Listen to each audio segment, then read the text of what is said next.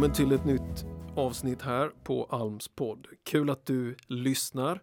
I det här avsnittet så pratar jag med Sam Wolin. Han är pastor i Pingstkyrkan i Karlstad.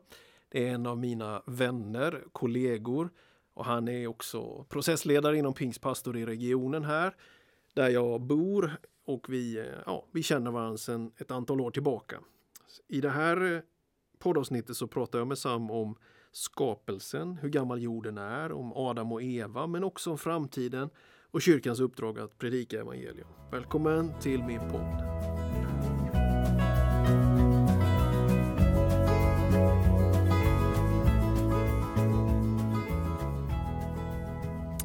Det är riktigt kul att ha en gäst i den här podden just nu. Här jämte mig står Sam Volin som är pastor i Pingstkyrkan i Karlstad. Välkommen till podden Sam! Tack så mycket Daniel! Du, vi hade ju en diskussion eller en mejlväxling, sms och allt vad det var omkring vissa debatter som har pågått i kristenheten den sista tiden och det är lite orsaken till varför vi står här nu och pratar och spelar in det här poddsamtalet. Vad var det du reagerade på och ville prata vidare om? Nej, men jag tyckte det var intressant att ta kontakt med dig för att få uh, din synpunkt på hur du ser kring på de här samtalen som har varit kring skapelse, evolution, Adam och Eva och de här aktuella frågorna som har kommit upp i media då mm. i flera tidningar och på bloggar och så. Och då bollade jag tillbaka till dig och sa välkommen till min podd. ja, det är gripande. så nu åker du dit själv också på det här då. Tack. Nej, men alltså vi börjar någonstans med Ja, men det är väl vissa saker som på något sätt alltid vill återkomma i den här debatten. Till exempel hur ung eller gammal mm ungjords, gammaljords kreationism för de som tror på skapelsen? Eller är det en evolution där möjligen en gud har varit aktiv på något sätt? Det är ett av de här spåren, eller hur? Och ja. det ska du få kommentera alldeles strax. Ett annat spår är ju hur ska man säga, skapelsedagarnas längd då också kopplat till det och hur, hur, hur snabbt vår skapelse i, i begynnelsen kom till. Ja. Och vi har det här med de första människorna. Men du, Uh, om man tror på en teistisk evolution, hur tänker man då? Om man tror på en teistisk evolution, då tänker man sig ju att det som Darwin och sen de som efterföljande kom eh, har forskat kring med naturvetenskap och biologi och så världens utveckling så, så tänker man sig att det är Gud har skapat universum genom evolutionen. Så att eh, menar, är man kristen så kan man naturligtvis inte tro på en slumpartad evolution som har uppstått av sig själv. Nej. Utan man måste ju tro i så fall att Gud har skapat universum genom evolutionen. Och det är ju en del kristna som tänker så och tror så att, att Gud har skapat världen på det sättet och att Ja, helt enkelt den teorin, evolutionsteorin är, är sättet som Gud har skapat världen helt enkelt. Mm.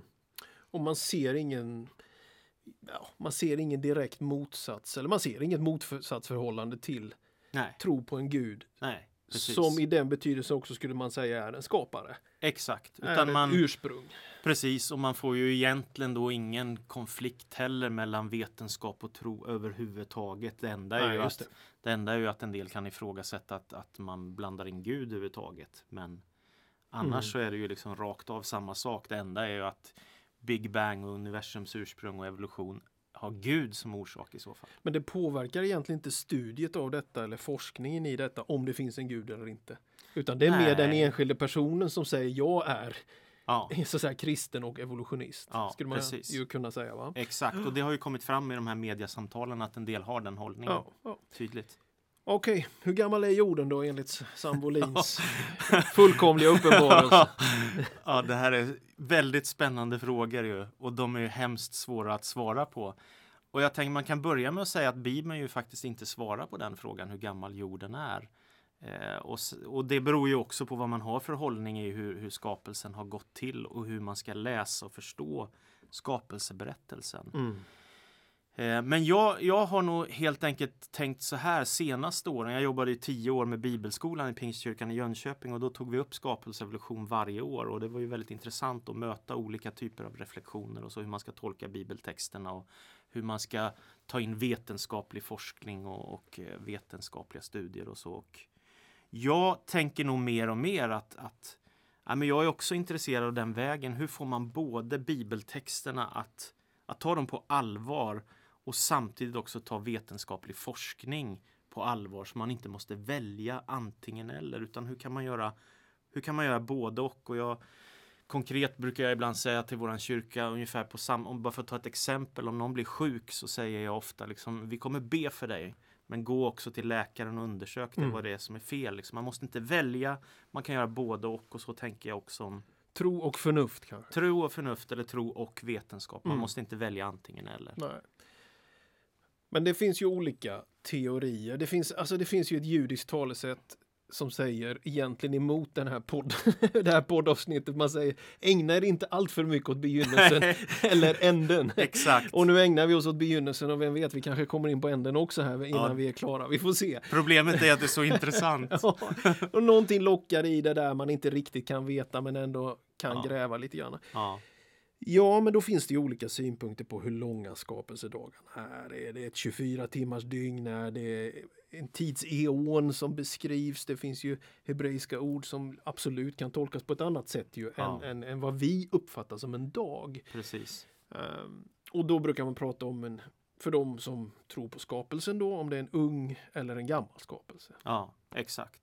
Precis, och det där brukar de ju formulera i att kalla an- antingen för ungjordskreationism, alltså att man tänker sig att världen är väldigt ung. Typ 6000 år. Ja, eller 10 000 Ja. år eller något sånt Ja. där. Och då, då får man ju en enorm konfrontation med väldigt mycket av vetenskaplig forskning. Så Mm. är det ju.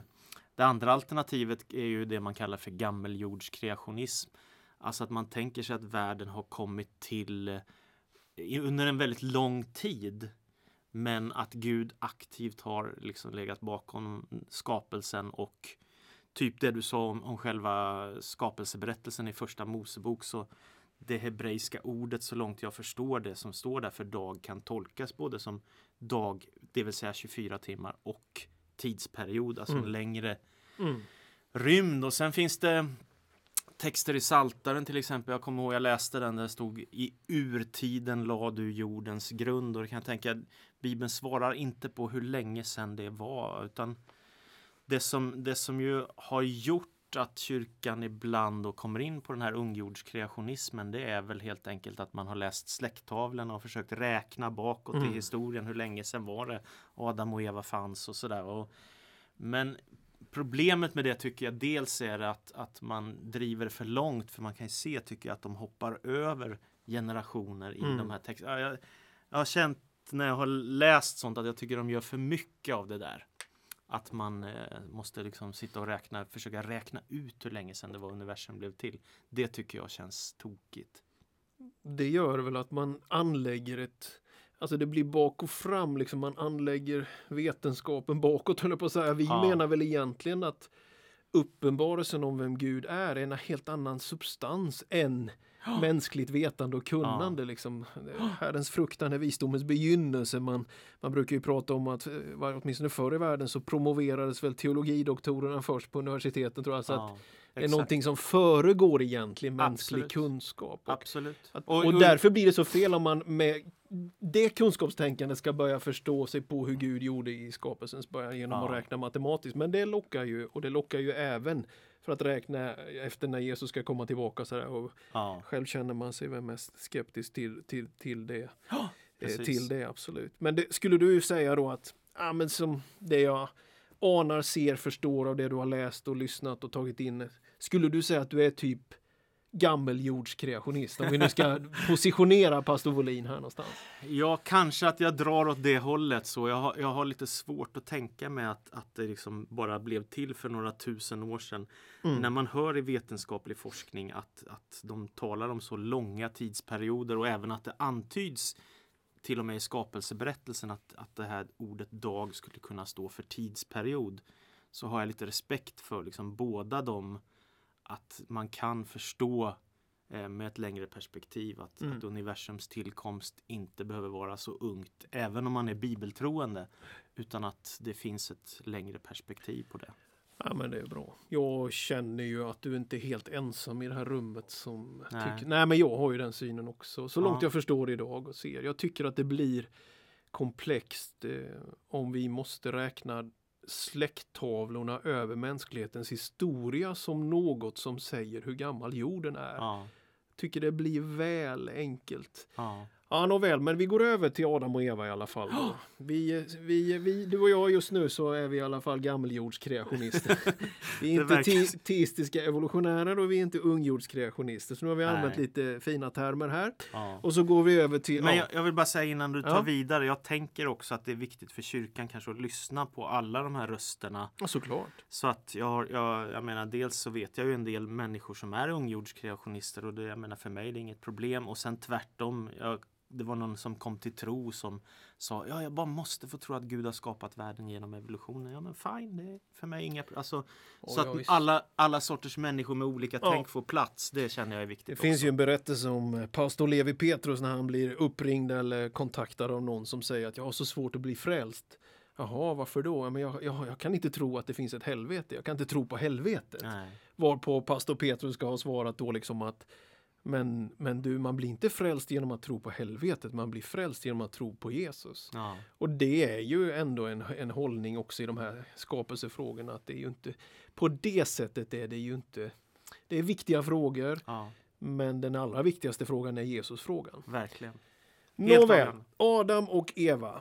En annan gång, idag pratar vi om Adam and Eve och en annan gång så kanske jag eh, tänker att man ska prata om Adam and Steve också, men det blir inte fokuset idag utan nu blir det. Adam and Eve här. Ja, det är bra. Eh, är det en vacker skröna poetisk berättelse som är tillkommen för att på något sätt sätta in den mänskliga existensen i någon form av epos, någon form av beskrivning, berättelse? Eller tror du att det har funnits två urmänniskor som möjligen inte när man hade träffat dem i paradiset hade sagt hej jag heter Adam men, men ändå att det har funnits eller är det en fiktiv berättelse som vi behöver eller är det historiska personer vi läser om i första Mosebok, Adam och Eva? Ja, men när jag tänker när jag läser skapelseberättelsen så har jag tänkt några olika saker. Det ena är ju att den är så oerhört kort.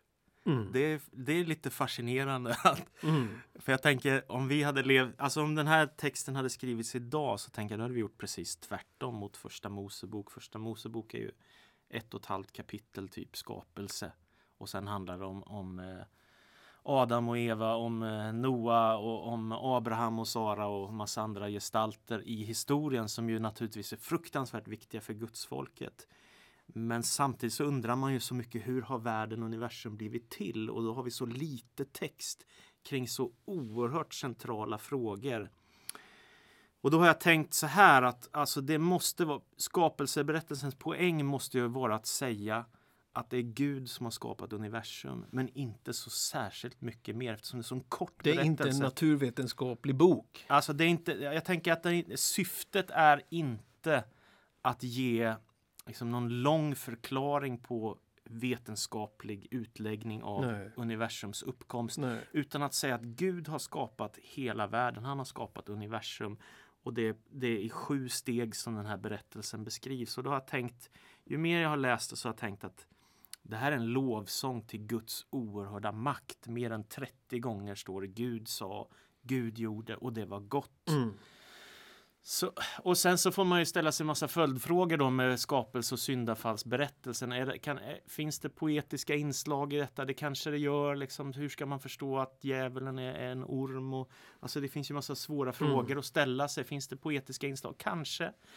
Men ändå tänker jag att om Adam och Eva inte har funnits som historiska personer då blir det väldigt svårt att förstå mänsklighetens syndafall, att människan har vandrat bort ifrån Gud, att människan har fallit i synd och att, eh, alltså att, att för, för hela, hela bakgrunden här som är det judiska folkets historieskrivning också, det är ju det är ju därför Jesus behöver komma, för Mm. att rädda oss ifrån synden och frälsa oss.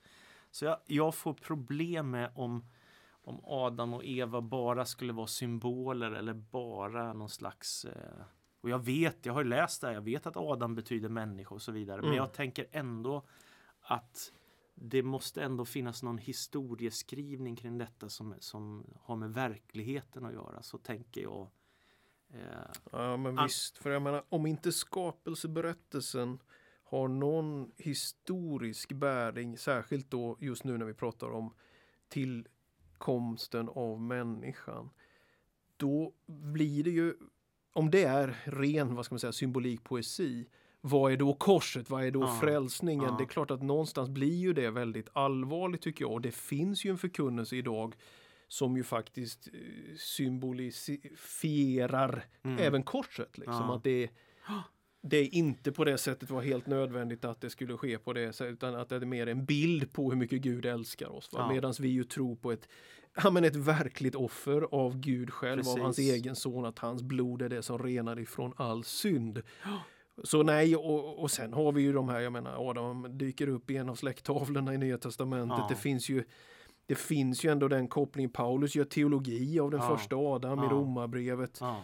Så att jag personligen tänker ju att nej, men det finns urparet här. Det Ja. finns eh, urmänniskan som också får detta nedlagt att kunna agera i, en, eh, i ett beslut som gör att man också faller. Ja. Och att syndafallet är inte symboliskt, men det kan absolut finnas poetiska, symboliska inslag i beskrivningen Ja. av detta. Ja men exakt. Men det, och, och det jag tänker kring detta också det är ju att Alltså, för ibland så säger de människor sådana här följdfrågor som jag känner blir lite så naiva och nästan komiska. Liksom, men vem gifte sig deras barn med och så vidare. Men då tänker jag så här att om man läser evangelierna så kan man ju se att det, det berättas bara lite, lite Mm. av Jesu liv. Mm. Av de 33 åren så är det kanske 15, ja knappt det. Det är när han är 12 år, när han är liten och sen när han är från 30 till 33 kanske, eller typ så.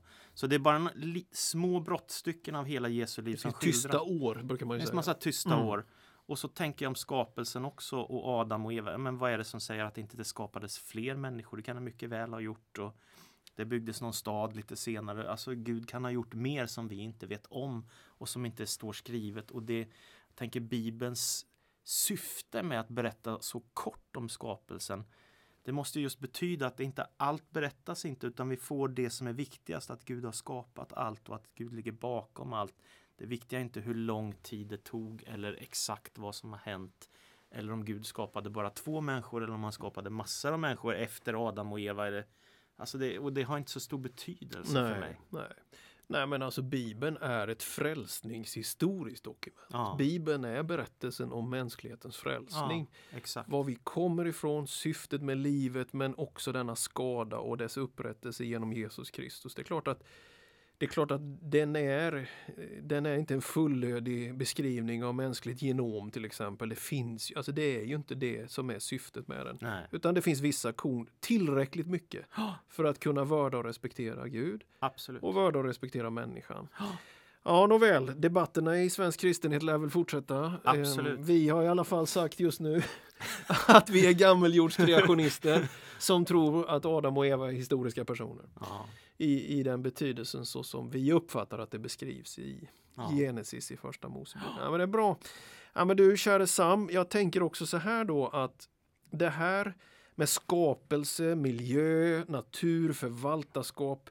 Handen på hjärtat, vi är pingstvänner du och jag. Mm. Det här är ju inte vår bästa gren. Nej, Källsortering, rättvisa med kaffe och sånt där. Vi, vi är inte, det är kanske inte vi som leder den Nej. progressionen riktigt. va? nej. Tänker du att det här med skapelse, berättelse, triggar det någonting inom dig av, av det? Vad ska man säga? Ändå, att det ändå har någon... Jag menar, Ja. jag menar, vi har ju en klimatsituation som är ju märklig ändå Ja. med Verkligen. temperaturhöjningar och, och ja, Mm. allt vad det Nej, men jag, och jag, är. Absolut, och jag tycker att den, det är ju lite oroande det man läser. Eh, och det för mig är det flera perspektiv. Ett perspektiv är ju att vi faktiskt har ett skapelseansvar. Och det är klart att den här, det som har hänt under 1900-talet med den här tekniska utvecklingen, det är ju ganska dramatiskt för klimatet helt uppenbart som det aldrig förut i historien har varit. Och problemet som jag ser det är ju att vår livsstil drar mer energi än vad som är möjligt egentligen att ha om alla människor skulle leva som vi gör. Och dessutom så vet vi ju att av, alltså, den forskning som pågår att, att eh, världens befolkning kommer att öka kanske 10 miljarder här till 2050. Och då är vi helt plötsligt 3 miljarder till här. Hur ska alla de här människorna kunna leva ett vettigt liv om vi missbrukar miljön för mycket med att flyga för mycket, äta för mycket kött och allt vad det är som Mm. liksom ställer till det och kör för mycket bil och dra för mycket värme och allt. Så, alltså, så där tycker jag är lite bekymmersamt också för kommande generationer. Det är det ena perspektivet. Det andra perspektivet vi har är ju också frälsningshistoria. Att vi tror att Jesus kommer tillbaka. Att Mm. Gud ska skapa en ny himmel och en ny jord. Så jag har ett... Ska inte allt brinna då? jo, det, ska, det står ju Himmel där. och jord må brinna. Ja, precis. Himmel och jord må brinna och sen Men ska det det, var- komma, det ska komma något nytt. Det var lite citat av en sång där. Ja, exakt. Nej, men så jag tänker, jag har ju ett, som kristen har jag ju ett evighetshopp Ja. som gör att eh, jag tror inte att det är kört. Men jag vet ju inte exakt när Jesus kommer att komma tillbaka och därför tänker jag vi har ju ett ansvar mot så länge världen består att ta ja, mot kommande generationer Mm. också, våra barn eller barnbarn, att de inte ska ärva en jord som är alldeles för förstörd. Och jag, Det är väl ja. jättebra om eskatologin, alltså de, läran om de yttersta tingen påverkar etiken. Ja, Så inte det blir att eskatologin är det som gör oss till, vad ska man säga, fatalister, att Ja. det inte spelar någon roll. Då, då tror jag också att vi har dragit fel slutsats. Så att, så att, så det finns ju grenar inom kristenheten där jag tycker ibland att man kunde tala lite mer om dopet i helig ande och tungotal och Ja. nådegåvor. ja. Men vi får ju också vara självkritiska och säga att det här fältet av att vara förvaltare, att odla någonting utav en respekt också för den skapelse vi Mm. är satta att vårda. Eh, där är vi ju, där har ju vi behov att Vi har vara gjort för ödmjuka, vi har gjort för lite. Jag har gjort för lite. Ja. där. Absolut. Så Men det, en, en dag kommer Jesus tillbaka. Ja, det är Ja. vårt hopp. Det är Och du hopp. sitter du och räknar i något Excel-ark, du har någon matris och algoritmer sådär så du vet när det sker.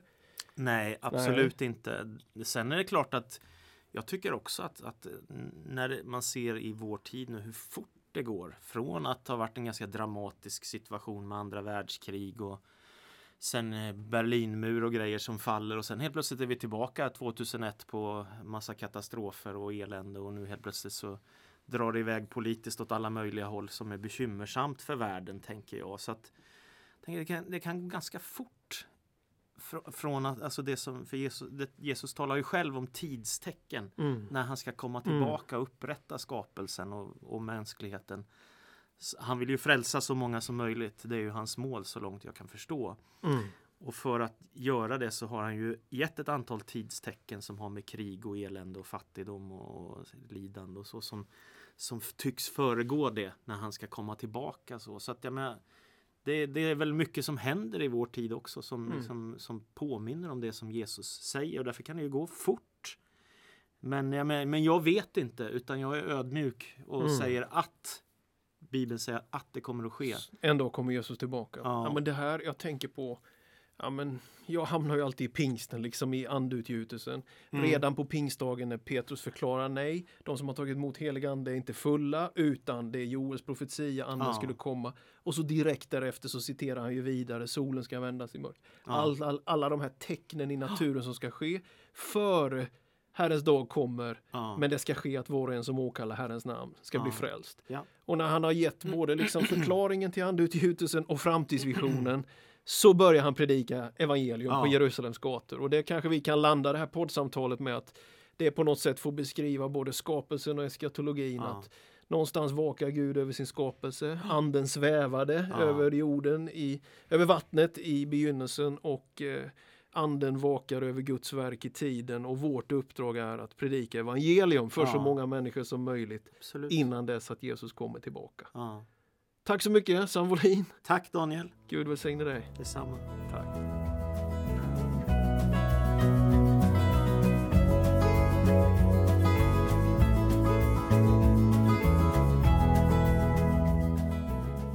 Tack så mycket för att du har lyssnat idag. Jag hoppas att det här poddavsnittet har betytt någonting för din utveckling, din process i kristen tro. Jag önskar såklart att du vill lyssna på podden framöver. Du får gärna rekommendera den till andra och ge dina kommentarer på sociala medier och sådär. Önskar dig allt gott och det bästa jag kan säga till dig. Gud välsigne dig.